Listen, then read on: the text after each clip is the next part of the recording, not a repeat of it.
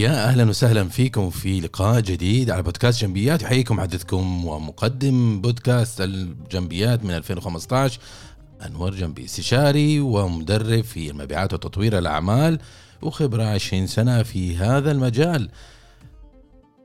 ألتقيكم على هذا المايك كل أسبوع. أقدم لكم برنامج أو موضوع مميز.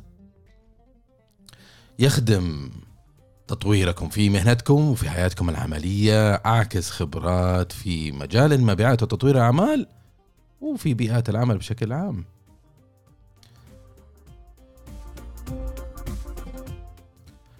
الأسبوع الماضي كان يوم أسبوع جميل جدا بغض النظر عن كل الأحداث اللي صايرة في منطقتنا. نسأل الله نسأل الله أن يعين أهل فلسطين وكل المظلومين في أنحاء العالم. فكان الأسبوع الماضي أسبوع جميل لأن يعني سوينا تطوير للقاءات اللي بيتابعنا يعرف إنه إحنا بنعمل لقاءات دورية اللي هي sales talks لكن وقفنا ال sales talks سواء كانت على اللقاءات اونلاين أو الشخصية والاسم بشكل عام والطريقة لأن لم يحقق الهدف اللي كنت أهدف إليه sales talks كنا نتطو... نهدف إلى أننا نكون مجتمع من الخبراء في مجال المبيعات وتطوير الأعمال حتى يعكسوا ويتشاركوا خبراتهم وتجاربهم ومعارفهم ووصولهم يفتحوا بيبان لبعض للوصول إلى عملائهم. نتعاون يعني. نفس المجتمعات اللي يسووها في إدارة المشاريع في الموارد البشرية في في في كل التخصصات الثانية. عندهم مجتمعات يسوونها ويتقابلون ويتطارحوا. حتى facility management لإدارة المنشآت. يعني عندهم مجتمعات ومؤتمرات يسوونها ويركزون عليها. لكن لسبب أو لآخر يا, يا عزيزي من سنتين أو ثلاث سنوات وأنا أحاول أسوي حاجة مشابهة في عالم المبيعات. بحيث إنه تتطور إلى في المستقبل وتصير يعني حدث محلي ونخدم المهنة ونخدم القطاع لكن لم يفلح لم, لم أفلح يعني صراحة. واضطررنا إنه نقفل هذا ال هذا ال sales talks ونرجع مرة ثانية بانطلاقة جديدة اللي هي 10 X 10 X مأخوذة من إنه نضاعف الأداء 10 أضعاف يعني مضاعفات. طبعا أخذت الفكرة والاسم من أحد ال يعني pioneers أحد رواد الأعمال الأجانب وهي ليست حكر يعني طبعا لأحد الاسم لأنه لاحظت إنهم تقريبا لو تبحث عن 10 X بودكاست في في, في الإنترنت تجد فوق ال 40 بودكاست اسمه 10 X والأحداث والمؤتمرات والشغلات هذه فما هي محصورة لأحد لكن أنا هذا الشخص اللي هي جرانت كاردون آه، متابع لي وآخذ منه كثير من المعلومات آه، كخبير في مجاله ال business development وتطوير الأعمال. آه، فعجبني الاسم 10 X ضاعف ضاعف ال business حقه. خفيف وسهل وتتذكره. فالأسبوع الماضي انطلقنا في أول لقاء وصراحة لما حددنا محاور معينة نتكلم فيها وسوقناها حضر يعني عدد كبير من يعني عدد جيد من من الخبراء في مجالاتهم من سيدات ومن سادة. وكان في طبعا تفاعل في النقاش ومشاركة المعلومات. وهذا الشيء جدا يعني أسعدني. ويعني وأنا أشوف إنه صراحة اللقاء كان جدا ممتاز. إن شاء الله في المستقبل نحاول نضخمه. وإذا وصلنا إلى حجم معين يعني حتصير فيها برامج وفيها تعاونات آه، جادة. فبدل التركيز على المبيعات فقط والبزنس زمان توسعناها شوي. فصرنا نتكلم عن ثلاث محاور اللي هي نتكلم عن آه، الحياة العمل تطوير الذات و وضع السوق. يعني تطوير الذات اللي كيف تتطور انت مهنيا وكيف تتدرب وش التحديات اللي تواجهها في تطور نفسك وتروح المرحلة القادمة. التطور الترقيات تكون أفقية وعمودية مجر هذا هذا المنوال. الشيء الثاني بيئات العمل. بيئات العمل تعرف انت آه، بيئة العمل يعني كما الغابة يعني تقريبا. ما تدري وين مين يجيك وكيف يجيك وهذا الشخص إيش مويته وكيف تتعامل معاه ولا مديرك إذا كان يعني غريب أطوار كيف تتصرف معه هلم جر أي شيء يتعلق ببيئة العمل هذا محور اثنين. محور ثلاثة اللي هو السوق supply and demand الطلب والعرض. التغيرات في السوق الأسعار ال economy المهم مجال. أي شيء يتعلق بالسوق نتكلم فيه. فنختار هذه الثلاث المحاور نختار موضوع تحت هذه الثلاث المحاور ثم ندخل في نقاش يعني حول هذا الموضوع وكل كل يأخذ حقه في الحديث. فكانت تجربة جدا جميلة.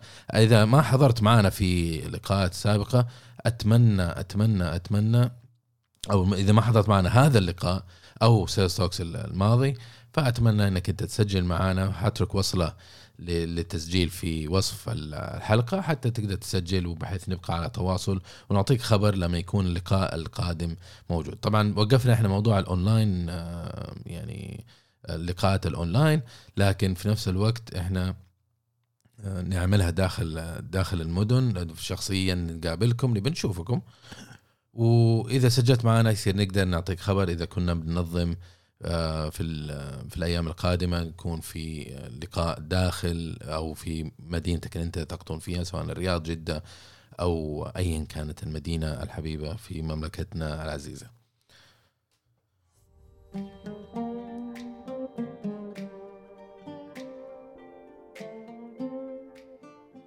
موضوعنا اليوم حنتكلم عن موضوع شائك. دائما أقول شائق هذه المرة شائك. لأننا بنتكلم عن توظيف الأقارب وتبعاتها والتحديات اللي تواجهها. طبعا زي ما أنتم عارفين إحنا في العالم العربي يعني تجد في منظمات آه، عامة وتحكمها الحوكمة ومجلس إدارة وقراراتها محددة وزي كذا لكن في منظمات يعني عائلية أوكي. وبغض النظر عن نوع المنظمة تجد في أحيانا كثيرة إنه مثلا حتى لو كانت منظمة عامة بعض تجد مواقف إنه تجد شخص مدير أو تنفيذي أو ايا كان ويوظف أقاربه أو شخص أخوه ابن خالته ابن عمه ايا كان. وفي في في الشركات العائلية هذا الشيء أقوى لأنه ما في ما في تقييم أو ما في أحد يقدر يرد صاحب العمل إنه يوظف ايا كان في منظمته اللي هو يملكها لأنه هو هو صاحب القرار هو المالك الوحيد لهذه المنظمة فاذا إذا إذا شركتي ما أقدر أوظف فيها أخوي فكيف ذلك؟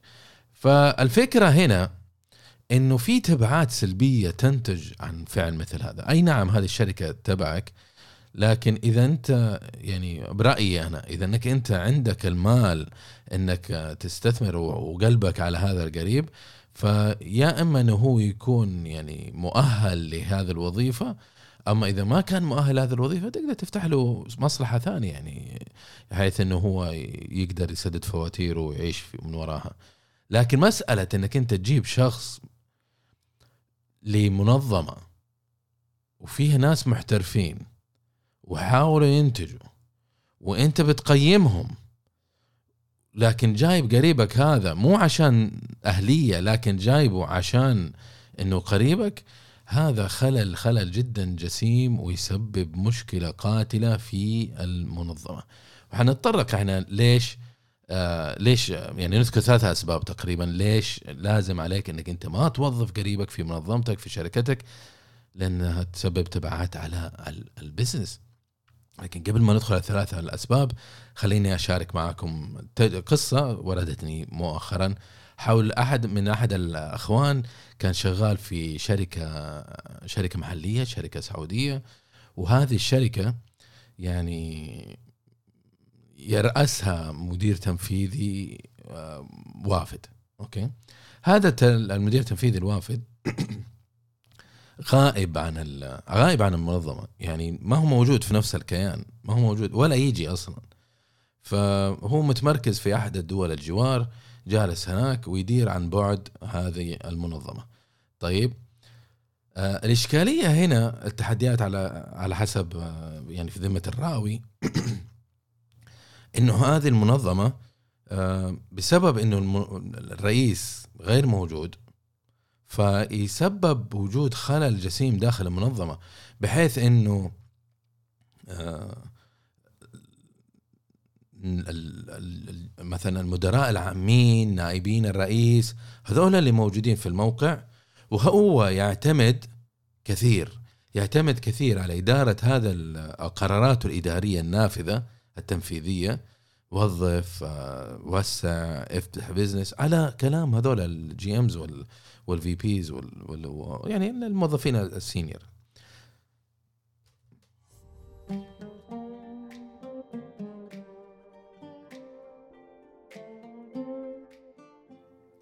الإشكالية مو في إنه إنه هو يسمع أو ما يسمع أو موجود أو مو موجود هي فيها خلل لكن أنا ما بسلط الضوء على هذا. الإشكالية إنه هذا الرئيس لا يدري عن إيش صاير داخل المنظمة إلا من عيون هذول الناس اللي يجي يكلموه. طيب هذا يعني السيناريو اللي عايشه هذا الشخص. طيب الشيء الآخر خلل الكبير إنه هذول ال GMs وال VPs وال senior executives هذول الأشخاص في يعني مو كلهم ترى يعني يعني فيهم فيهم أخلاقيات ممكن تعتمد عليها. إنما جزء كبير منهم فيهم فساد.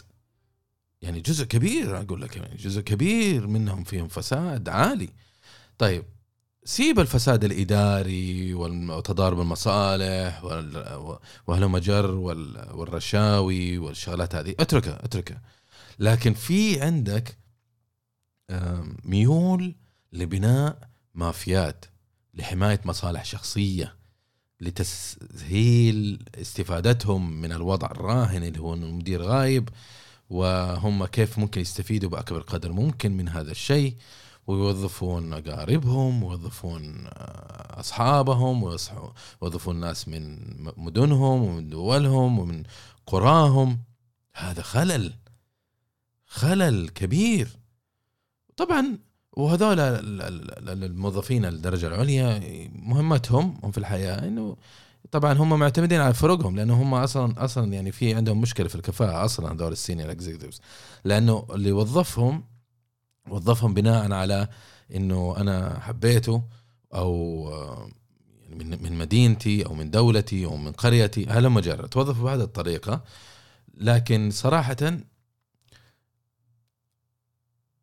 من على حسب ما يقول الشخص بناء على كل الخبرات اللي شافوها والناس اللي شافوها كانوا هذول أتعس مدراء وقل لهم خبرة وقل لهم إمكانيات. أوكي؟ طيب. فالإشكالية هنا الثانية إنه بيسلكوا لمصالحهم الشخصية ضد مصلحة حتى المنظمة. يعني في فرصة كبيرة إنه إنه هذه المنظمة تكبر وتزدهر وتحقق ثلاثة أربع أضعاف بسبب يعني آه، اسمها ال brand اسمها التجاري سمعتها معرفتها الناس اللي هي مرتبطة اسمهم فيها وهلم جر وحتى ال business حقها طريقة عملها. في potential جدا عالي. مهما كانت رابحة مهما كانت ناجحة مهما كانت تحقق فليها فرصة كبيرة إنها تحقق زيادة عشرة ضعف أوكي؟ لكن الإشكالية فين؟ إنه هذول المدراء محجمينها لأنه ما يبغونها تكبر. يبغوها تبقى في حجم معين هم مسيطرين عليها. لأنه في رأيهم إذا كبرت لأكبر من حد معين يبقى تصير تجذب انتباه ناس هم ما يبون تجذب انتباهها. يعني مثلا أنا إذا صاحب الشركة وشفتها ما تحقق مثلا 200 مليون القسم المعين صار تحقق مليار مثلا خلينا نقول. مثلا مثلا. فإذا حققت مليار مليار آه لا أنا أبغى أجيب واحد أثق فيه بزنس مرة كبير. أبغى أجيب ناس أكفاء أبغى أفتح فروع أبغى أغير هذا المدير المدير هذا ما هو بزين. ما أقدر أسلم عرفت كيف؟ فعشان يبقونها تحت السيطرة ياخذون مشاريع هم فقط اللي يملكوا مفاتيحها بحيث المنظمه عمرها ما تقدر تستغنى عنهم. ويبقون دائما المنظمة تحتاجهم لأنه شايفين المشاريع كلها جاية من هذول الأطراف. طيب وزائدا حجمها يعني ما ما وصلت إلى حجم كبير حجم ما هو أوكي محققت محقق الأهداف والتوقعات الحالية لكن ما بتتعدى حجم كبير. فالناتج إنه خلاص اتركها لهم. وهنا كذا أمنوا. أمنوا حياتهم أمنوا الفوائد اللي ياخذوها أمنوا العلاقات اللي يقدروا يبنوها بسبب positions حقتهم ووظائفهم. okay؟ فهذه تفتح لهم بيبان إنهم هم يبنون يستمرون في الازدهار الشخصي. على حساب هذه المنظمة التعيسه ويعني حبذا يعني يوم من الأيام كل المنظمات تراجع أمورها وتشوف إنه هل في فرق قيم, قيم إيش قيمة الفرص الضائعة اللي صايرة. ويقيموا إداراتهم هل هم أهل لهذه المسؤولية ولا لا. طيب نرجع لموضوعنا اللي هو آه توظيف الأقارب. توظيف الأقارب فيه ثلاثة سلبيات لتوظيف الأقارب. اللي يحب هذه ثلاثة سلبيات اللي أنا حابب آه أشاركها معكم في في حلقة اليوم.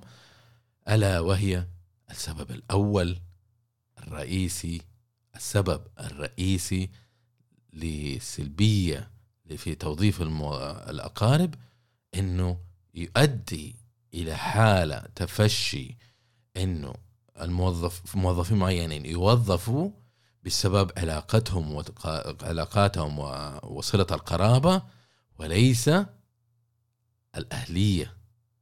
وليس الأهلية. وهذه الوضعية تسبب تنامي سمية المنظمة. ليش؟ لأنه عندك ناس غير أهل مؤهلين يركضون داخل المنظمة يشتغلون. والمصيبة إذا كان واحد منهم يعني إذا كان جونيور أو موظف صغير ما في مشكلة ما عنده قرار ولا يأثر على حد غير على قد على نفسه. خليه يشتغل كل يوم ياخذ راتبه وخلاص وخلي المدير مبسوط. لكن مسألة إنه أنت تجيب واحد ما هو مؤهل وتعطيه مسؤوليات تنظيمية تعطيه صلاحيات إنه يأخذ قرارات تأثر على حياة ناس آخرين داخل المنظمة هذه قمة المصيبة. وخصوصا إذا كان هو غير مؤهل. okay؟ يعني مثال على هذا هذه الإشكالية. شركة إحدى الشركات ال international اللي موجودة في تعمل في المملكة العربية السعودية.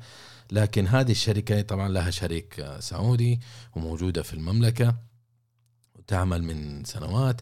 لكن إشكالية فين؟ إنه هذه الشركة العالمية فرعها لداخل السعودية تعمل كأنها شركة محلية لأنه موظفينها محليين أو أو من المنطقة.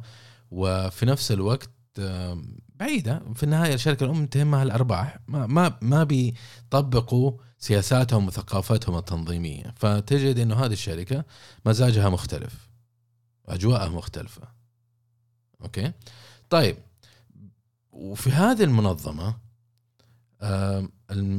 المدير حق الدولة موظف رحيمه أو صهره في هذا هذا الكيان. وهذا ال ال يعني هذه هذه مشكلة مشكلة جدا كبيرة إن لما توظف شخص إذا كان مؤهل okay نبلعها. لكن إذا ما عنده أهلية فنجد هذا الشخص اللي هو مو يعني الموظف هذا الصهر خلفيته موارد بشرية. okay؟ خلفيته موارد بشرية لكن يدير أعمال يعني قيمة 600 مليون ريال في السنة. مطلوب منه إنه يعني يدير هذا ال business مطلوب منه إنه يأسس تحالفات جديدة و business جديد وهلم جر طيب هذه مسؤولية كبيرة يا أخي. طيب هل هو قادر؟ هنا السؤال. هل هو عارف؟ هل عنده مهارات؟ هل عمل هذا الشيء قبل قبل ما تعطيه حاجة بالوزن هذا؟ لما تبحث بتبحث في خلفية تلاقي موارد بشرية ما عنده لا يعني خبرة ولا ولا دار حتى بقالة. مو انتقاص من البقالات لكن هذا يعني business بسيط. اشتري مواد وخزنها وبيعها للناس بربحية أكبر وحاول تدور ال business عشان ال 500 تصير 600 600 صارت 800 وهلم جر هذا business جدا بسيط. trading في التجارة. لكن إنه أنت تدير 400 مليون وتجيب واحد HR وما عنده خلفية ولا عنده شيء هذا الرجال okay اكتشف إنه يعني لا يفقه شيئا. والمنظمة كلها ممتعضة منه هذا. وعارفين إنه هو يعني حمار. لكن ما حد يقدر يتكلم. لأنه ابن صاحب المصلحة أو مدير المصلحة. كيف تتفاهم معه؟ كيف تتعامل معه؟ كيف تقول له خطأ؟ كيف تعاقبه؟ كيف تراقبه؟ وكيف تقيمه؟ فالناتج إنه هذا الشخص مفلوت في الإتش اري هذا مفلوت في المنظمة. يطلع وينزل ويطلب ويحاجج ويسوي ما حد قادر يحكمه. يا عمي أقل إيمان أي شخص مدير عشان يقدر يشتغل لازم يقدم business plan خطة عمل حق السنة. إيش تبي تسوي؟ إيش تبي تحقق؟ إيش تبي توظف؟ إيش تحتاج موارد؟ أقل إيمان هذا الشيء تسويه بينما هذا الشخص ما كان يسوي كذا. لأنه ما يحتاج. فمفلوت. تلاقي مرة في قاعد سافر أندونيسيا مرة سافر باكستان مرة سافر أمريكا مرة سافر كندا مرة سافر فرنسا مرة اجتماعات وروح امارات وبحرين وقطر وعمان إيش في يا عمي؟ إيش قاعد تسوي؟ طيب إيش ال... يعني و... وأنا يعني هذا قصة جاتني وبعد ما آدم يشتغل خمس سنوات في هذه المنظمة. خمس سنوات ما أنتج. أخي ماني فاهم أنا إيش الموضوع. المشكلة مو إنه هو ينتج وما ينتج، المشكلة إنه يسبب سمية داخل المنظمة لأنه هذا الشخص مو محكوم ما هو مقيم ما حد يقدر عليه ما حد يقدر يتكلم عليه وهذا يسبب خلل. وهذا الشخص يبدأ يكون لأنه هو سيء. وعشان يغطي يغطي سوء أدائه لازم يعلق الشماعة على أحد. فيجي يحط الملامة على أحمد وسعد وخالد وراكان. الجيش تبعي يجي ويقول والله أنا ماني عارف إيش قاعد أسوي. شغال من غير خطة ماني عارف إيش قاعد. هذا اليوم شغال على شغلة ألف تركتها بعد شهرين اشتغلتها شغلة باء وتركتها بعدين اشتغلتها شغلة جيم وعمري ما حوقف. ما حيقول لك يعني هذا هذا سببي. أنا السبب أنا اللي أتحمل. حيقول والله الموظف هذا وظفته طلع لا يفقه شيئا وفلان آه، من القسم الفلاني ما يساعدني والجيم الفلاني حاسدني وقاعد يخرب علي هو. يخلق سمية بس هو لو إنه فعلا ينتج كان ينشغل بحاجة عليها القيمة. ها؟ طيب السلبية الثانية اللي هي إنه لما توظف أنت أقارب في مصلحتك أو في البزنس حقك صعب إنك تاخذ قرارات جادة. صعب. لأنه قريبك. وإذا قريبك ما تقدر يعني ما تقدر تاخذ قرارات. في شيء في يعني في شيء يأثر عليك كصاحب قرار يدير بزنس ربحي. إذا كان قريبك هذا لا يقوم بادائه الصحيح صعب إنك أنت تنهي علاقتك الوظيفية توظيفيه معه عشان تفك. إذا اكتشفت إنه هو يسوي سمية وقاعد يسوي لك إشكاليات داخل المنظمة صعب إنك تمشيه. وهذا الشيء ممكن يسبب ضمور في ال business الخاص فيك ويبدأ تبدأ المصلحة في التهالك. تذكر مثال اللي قلناه هذا ال HR ي ولا اللي قبله؟ ذكرت مثالين أنا. لو رجعنا لهذا الإشكالية هل تظن أن صاحب الشركة اللي وظف قريبه ال HR ي من يشتغل في ال HR خلفيته HR هل تظن إنه يقدر يجي يقول له أفصلك؟ يعني لو إنه ابن عمه يروح يشتكي لأمه لو إنه صهره يروح يشتكي لأخته ما, ما تقدر ت... صعب. قرارك مو بس في المصلحة حقتك أو ال business ينتقل إلى الحياة العادية. ينتقل معك للبيت. وفي ناس يدخلوا يدخلوا عليك ما يفهموا قاعد تفهمهم تقول لهم فلوس وال business is business والشغلات ما يفهموا شيء. يفهموا إنك أنت نذل. هذا قريبنا يا شيخ. ما فيها business is business تسوي لي فيها شادة. لا انت ظالم. يا عمي حمار وظفته واكتشفت انه حمار ما هو قده.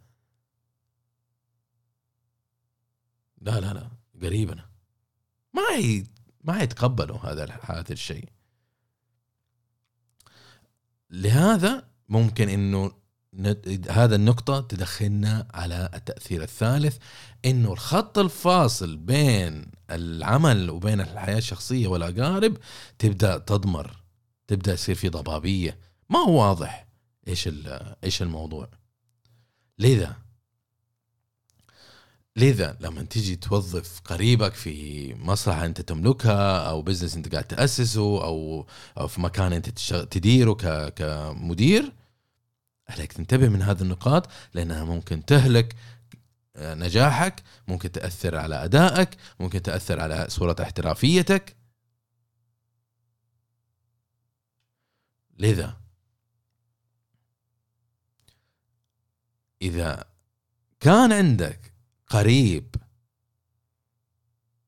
وجاي توظفه لكن خبرته استثنائية ومميزة وقليل تلاقي مثله واضافته لها قيمة للمنظمة تقدر تجيبه لكن تحط قوانين تعريفية إنه هو هنا فقط موظف وما له علاقة قرابتنا في الموضوع ولازم تعكس هذا الشيء بقمه الشفافية للموظفين والمنظمة بحيث إنه يعرفوا إنه هذا قريبك وهذا الشخص آه يعني جاي بخبره عميقة في المجال المعين عشان كذا إحنا وظفناه ما وظفناه عشان إنه قريبنا.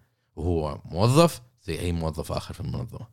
كذا أنت محيت أي يعني سلبيات ممكن تكون أو ممكن تصير. لذا عشان توظف موظف آه قريبك في المنظمة عليك إنك تكون عندك شفافية عالية وتشارك الموظفين عن هذا الموضوع. وتتأكد إنه قريبك عنده القيم والمشتركة مع المنظمة ومعك أنت ومع الجميع ما يكون هو ماشي خارج يركض خارج خارج السرب. وتجنب إنك تعطي لقريبك أي يعني أي شيء خاص أو تعاملات خاصة مغايرة عن باقي الموظفين. تعطيه مكتب كذا غريب وهذا. إلا يعني إذا هو GM ياخذ حاجة زي GM بس أما إنه هو مثلا GM تعطيه حاجة زي CFO مثلا صعب. ما ما تقدر. ما تقدر تعمل. حتى لو كان قريبك. زيه زي باقي الموظفين. عشان تتجنب الإشكاليات اللي ممكن تصير. وأسس فواصل واضحة مفهومة لهذا القريب داخل المنظمة بحيث إنه يعرف هذه الخطوط الحمراء ما تتعداها. وما في وافصل بين الحياة العمل وحياة العائلية والشخصية. الشاهد هنا الشاهد يا عزيزي إنه توظيف الأقارب ممكن يكون شيء أو قرار في مخاطر جدا عالية. وفي تبعات سلبية ممكن تحصل على البزنس حقك. ممكن تسبب انك أنت تكتشف إنك قاعد توظف ناس بسبب قرابة وليس الأهلية. وممكن إن يصير صعب عليك إنك تاخذ القرارات الصحيحة والخطوط الفاصلة بين العمل وبين الأقارب تبدأ تصير ضبابية.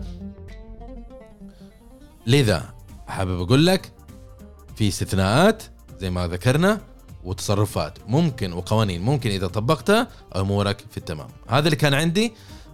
إذا آه، اذا إذا الحلقة كانت آه، يعني استفدت منها واستمتعت فيها زي ما أنا استمتعت فأتمنى إنك أنت آه، تشاركها مع شبكة معارفك. هذا يعني لي الكثير لأنه أنا أصنع محتوى اتعب في البحث والتصوير والتسجيل. ومساله أنت تنشر لناس جدد حتساعدني إنه أنمو وازدهر وأبقى واستمر. لكن إذا ما دعمتني ترى بقفل بنهايه المطاف ها؟